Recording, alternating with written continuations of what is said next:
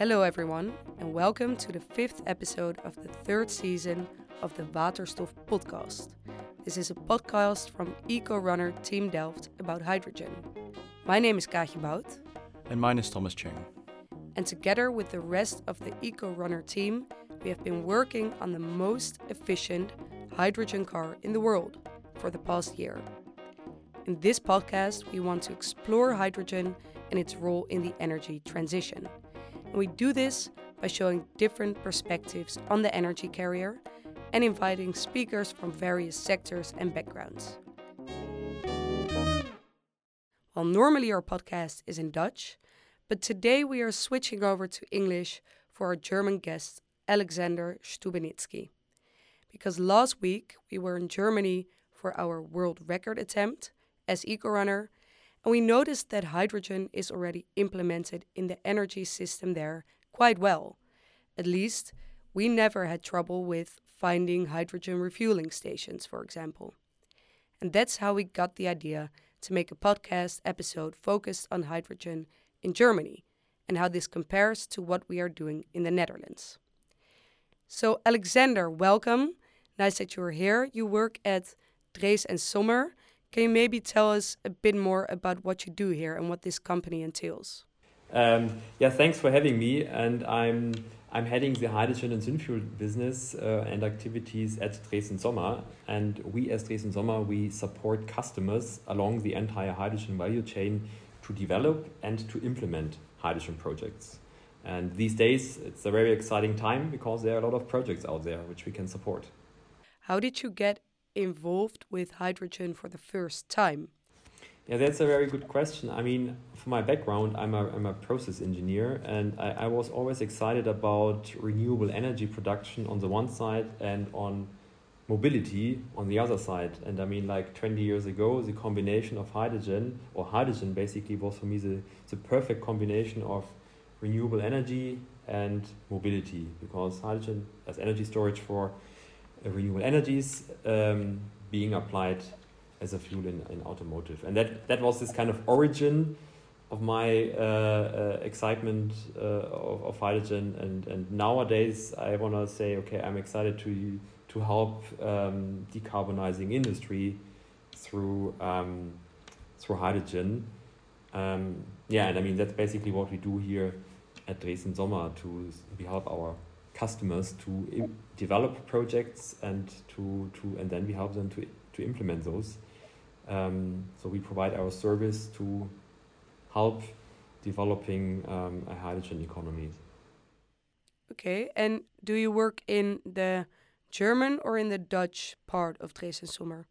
So I work basically in the German part. So I'm based in Munich, but let's say my or our activities expand to entire Europe. So we start, let's say, to um, to get uh, to support customers in the center of Europe, if you will, so in Germany, in the Netherlands, and in other areas where hydrogen is now these days kicking off, and we will expand our activities step by step together with our customers. Okay, because Germany already published a hydrogen strategy in 2020, and that's a year before the Netherlands. Um, while in our podcast, we always are saying that we are real front runners in the uh, European hydrogen landscape. Can you tell us a bit more about the German national hydrogen strategy?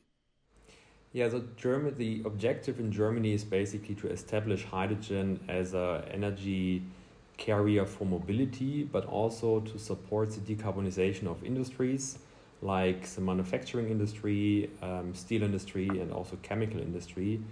And in addition to that one, also to help the heating sector, um, yeah, to decarbonize. So, I, I mean, from that perspective, um, there are two dimensions, if you will. On, on the one side, Germany wants to become a nameable player when it comes to hydrogen technologies, to provide hydrogen technologies to the world. And on the other side, also to implement hydrogen as an energy carrier as well as a feedstock for industries. All right. And, and the German government also has a special uh, Waterstoffrat uh, for and what what is this exactly? Could you explain that? Yeah, the Wasserstoffrat has been established, I believe, also around 2020, and it consists of um, experts from industry and also politics. And basically, um, the intention is to have uh, some kind of a neutral body who is um, who discusses on the topic of hydrogen, on required regulations and the like, and also suggests um, possible uh, or, or relevant laws, if you will, or regulatory proposals. And is Drees and Sommer involved in that as well? No, Drees and Sommer is not yet involved. So so far, it mainly consists of stakeholders from um, the technology area. So of, it's composed of companies who basically develop equipment in the area of hydrogen. But you do have a lot to do probably with the hydrogen regulations that this Wasserstoffrat is composing. Um, is that is it very well regulated the German hydrogen strategy? It's a good question. Um, I would say, uh, or what you can say, I mean, um, there is when we, I mean, if you talk through the, the hydrogen value chain, I mean, when it comes to the production of hydrogen, that is an area which is very well regulated because hydrogen is a gas um, and there is a lot of regulation available for that one. The transportation um, and especially transportation by pipe. I mean, on that one, there is still a discussion. Okay, to what extent can hydrogen be added to natural gas? I mean, um, to overcome this kind of hurdles to get hydrogen um, into into the distribution grid, and on the application side, um, regulation is also actually available. So, I mean, from that perspective, for sure there will be, let's say, dots or white spots on the map, but um, from a higher level perspective, the regulation which is applicable is, is well in place. Where is some room for improvement is um, the fund, funding regime, you, you might argue. I mean, that is definitely in Germany or in Europe in general very, very complicated and it's always i mean it, it becomes more and more obvi- obvious when we compare ourselves to what happens for example in the in the us there also hydrogen is funded um, but funding mechanisms are much more much easier much less bureaucratic if you will and um, that basically facilitates um, the establishment the establish yeah establishment of a hydrogen economy when we talk with customers who have um, ideas uh, who have of, uh, um, who have um, requested funding like one and a half year ago and still still wait for the funding grant. I mean that's um, a little bit annoying, so to say, and that's basically slowing down the establishment of a hydrogen economy. Yeah, I think especially compared to um, the United States with the IRA, and there are a lot of. I think it might be a, probably less regulated uh, on the other hand, we do have, of course, um, European collaboration and funding maybe as an important project of common European interest. Does Germany play a large role in this European hydrogen landscape as well? Yeah, um, definitely. I mean, there are quite a lot of so-called IPCEI projects, which um, um, or possible IPCEI projects, which um, have applied for European funding in Germany as well. I mean, these are, for example, in the area of, of steel industry. Just recently, uh, or a couple of weeks or, or months ago, there was a press release that um, ThyssenKrupp, for example, a steel manufacturer, is going to implement a direct um, reduction furnace, uh, which basically means to produce steel by using hydrogen. I mean, that's a super, super exciting project because, I mean, on a worldwide level, the steel industry accounts for roughly 10% of the CO2 two emissions. So if we can yeah. basically support the steel industry to get away from coke as a reductant um, and towards hydrogen, that will have a significant effect. And the same is when it comes to yeah hydrogen production, um, large scale hydrogen production, especially at the North Sea, so also close to the Netherlands. There are also some IPCEI projects. Um, I mean, that's on the production side. And then, secondly, for sure, once we have produced the hydrogen, it needs to be transported. And, and here there are a lot of collaborations going on, especially also with the Netherlands, to build this kind of European um, hydrogen pipeline grid. To bring because I mean the powerhouse for producing hydrogen will be in the North Sea, North um, or even Bal Baltic Sea, and then with having the hydrogen over there, it needs to be transported into um, let's say the inner Europe, and for that one we need transportation capacity. Because do all that by trucks wouldn't make any sense. No, and in the Netherlands we do have a quite um, well developed pipeline network from GasUnie, for example. And I think from the Netherlands, there are a lot of pipelines that can transport hydrogen to German industry. How is this pipeline network or infrastructure in Germany itself? Is that already in place or do we still need to construct it? Yeah. Um, I mean, it's not yet in place. I mean, uh, in Germany, the there are five, I believe, five large pipeline operators, so north, east, um, southwest, so to say.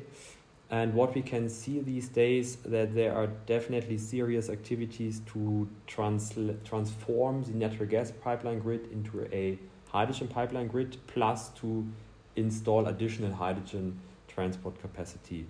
Um, I mean, there are very ambitious plans. Um, for example, in the eastern part of Germany, an additional 1,000 kilometer of hydrogen pipeline shall be uh, installed. Um, then there is this kind of um, well backbone project which goes from the north to the south, um, with an, with another very large amount of, of kilometers to be installed, um, and that is actually definitely very very key um, to bring the hydrogen to its customers. I mean, it's at least important or as important as investing into production capacity to install and invest into uh, transportation capacity. Yeah, because these customers, would these be other European countries as well? I think in the Netherlands, for example, we are always quite focused on transporting hydrogen to Germany, first of all because there is so much industry in uh, North Rhine-Westphalia, for example, and I'm not sure if Germany is maybe looking further than that to other European countries. Um, you all, there, there, well, you never should say no, but in, in principle, Germany is more like an energy importer, and that will probably also be the case in the future. So it is more about to get enough hydrogen, enough energy into the country and be it from the north, um, as we just discussed, through hydrogen which is produced at the North Sea, or be it from the south. I mean, there are even ideas um, which are probably pretty pretty far away, but to have a hydrogen pipeline from the Middle East to go through Italy to to Germany, for example, and that will be another, um, let's say, um, opportunity to bring hydrogen into the country so far, uh, if we talk about natural gas, you can say that um, two thirds of Germany, meaning the north, northwest, is um, is fed by by natural gas coming from well from the Netherlands or until recently from from Russia, and the south south part of Germany gets natural gas basically um, from Italy, and uh, there is this kind of cut. There's not really yet a connection in between the pipeline grid of the north of Germany and this kind of south southeast um, natural gas grid. Um, and that definitely should be connected as well. And there are also activities to connect these, so to have two um, pathways of getting hydrogen into the country from the north and from the south. Hmm. Yes. So as you just said, the Netherlands is more of an energy exporter, Germany an energy importer. Uh, what do you think other difference and similarities are between uh, the Dutch and German hydrogen infrastructure? I yeah, I think a another significant difference will be in um, possible use cases for hydrogen. I mean, also the Netherlands, there is a big chemical cluster um, uh, in, in Rotterdam, Chemelot, to my knowledge. Um, I mean, in Germany we have a lot of manufacturing industry, also steel industry, chemical industry. I mean, those industries need to um, think about to decarbonize, and here hydrogen will definitely play a very critical role. I, I just learned, let's say, that if once the CO2 cost for CO2 reach 150 euro per ton, steel from hydrogen is as expensive or as cheap as steel from conventional sources. or using coke. So let's say once we have CO2 certificate prices of 150 euros, then you can argue, well, it, it, there's no cost difference in producing steel from with hydrogen versus producing steel on a conventional basis. On what time scale would that be possible? I mean, the question is uh, uh, uh, by when CO2 certificates will reach 150 euro per ton. I mean, that's we see right now that uh, projects are uh, will be established to produce green steel. Um, and now once once the CO2 certificates become that become that expensive and green steel plants are up and running what probably will happen until the end of that decade so meaning until 2027 2028 then yeah green steel is as expensive as or as cheap as conventional steel. I mean, in addition to your question, uh, probably uh, when it comes to transportation, I mean, for sure, hydrogen is, a, is, is also, um, and especially in the past, has been discussed as a fuel for transportation. I mean, when we talk about passenger cars, that's probably not anymore the case. But uh, in Germany, we have a lot of heavy, heavy duty transportation, and here hydrogen can also play a role, and that which might be a little bit of a difference to the situation in, in, in the Netherlands. Yeah, we, have, we noticed it because when we were driving in uh, in Germany, we saw a lot of hydrogen fueling stations, and in the Netherlands, you, you actually have to plan your route to find those stations. And in Germany, you could just wing it and hope there was one in, in, in the near town. And, and it was there actually was one close to our uh, our town. Yeah. Um, why, why do you think that's the case? Is it just more used in, in Germany? Hydrogen? Yeah. How is the um, infrastructure surrounding exactly refueling stations and for maybe heavy transport? Is that much more developed in Germany? Uh, good question. I I would say um, the the endeavors to build up a hydrogen to build up hydrogen infrastructure, refueling infrastructure, that happened like ten or even fifteen years ago. So the first hydrogen fueling stations have been established, yeah, in the in the early two thousand years, if you will. Um, and there is this initiative, um, H2 Mobility, uh, in Germany, who has the objective to set up additional fueling stations, I believe a couple of hundred stations until 2030. Um, to my knowledge, that initiative now changed a little bit the focus to, I mean, away from fueling stations for passenger cars, but towards fueling stations for heavy duty transportation. Um, and probably that might be a difference to the situation in the Netherlands that there is this kind of, let's say, yeah, initiative which bundles um, stakeholders who have interest to build up refueling capacity. I mean, there is another very um, successful initiative in Switzerland, which is now not the topic of today, but there are also activities to build up um, a hydrogen refueling station network, which is, so far has been pretty successful, so to say well, you already mentioned collaboration between the Netherlands and Germany. What are the specific collaboration projects that there are?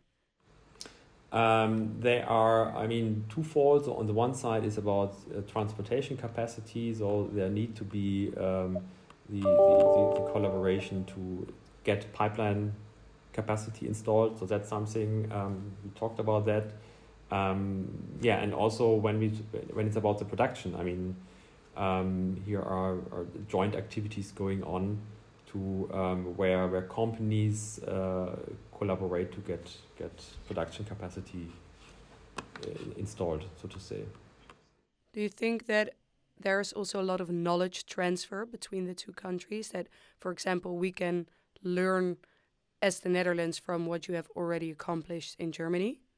Uh, in principle, yes. I wouldn't limit this to or uh, a, a Dutch German um, uh, collaboration. I mean, in general, you can argue that as much as possible, stakeholders need to collaborate along the hydrogen value chain to get, let's say, things done to to professionalize the hydrogen economy more.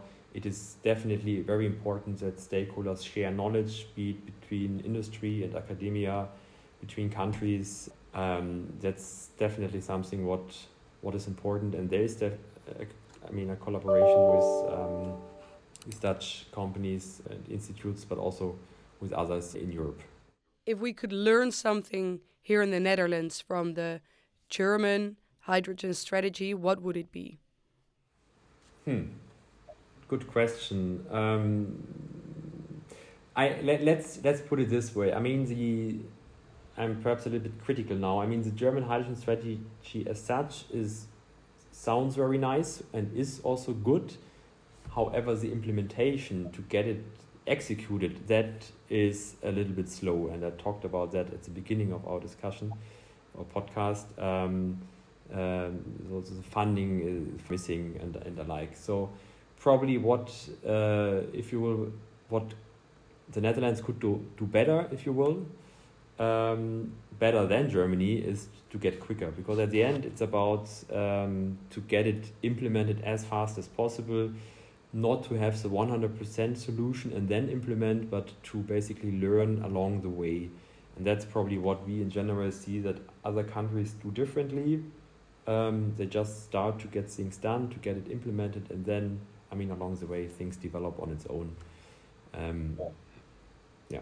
I think we find that quite challenging in the Netherlands as well. Uh, often we hear the same problem. Yeah. we often heard the same problem in podcasts with other guests, but I think um, yeah, that is often a good advice to make sure that you have trial and error and also to learn along the way instead of trying to regulate maybe everything. Um, yeah, thank you. Is there one final message that you would like to share in the podcast? I would say we have exciting times. I mean, um, the, the, the, we have never been so close to really get a hydrogen economy, hydrogen infrastructure implemented, and um, I'm more than convinced that in a couple of years' time we will have very, very nameable infrastructure and also use cases um, established, up and running, and um, yeah. So the transformation of the energy system is, is happening. Yeah, and I think it's really interesting to hear more about other countries as well, since, of course, the energy transition it goes beyond boundaries and it goes beyond countries. So I think that's great to hear more about the collaborations that we already have in place, the knowledge transfer, and also uh, that we have a shared energy future. I think so. Thank you very much, Alexander, for uh, being here today. Yeah, amazing. Well, uh, I think we'll stay in touch. Let's do so.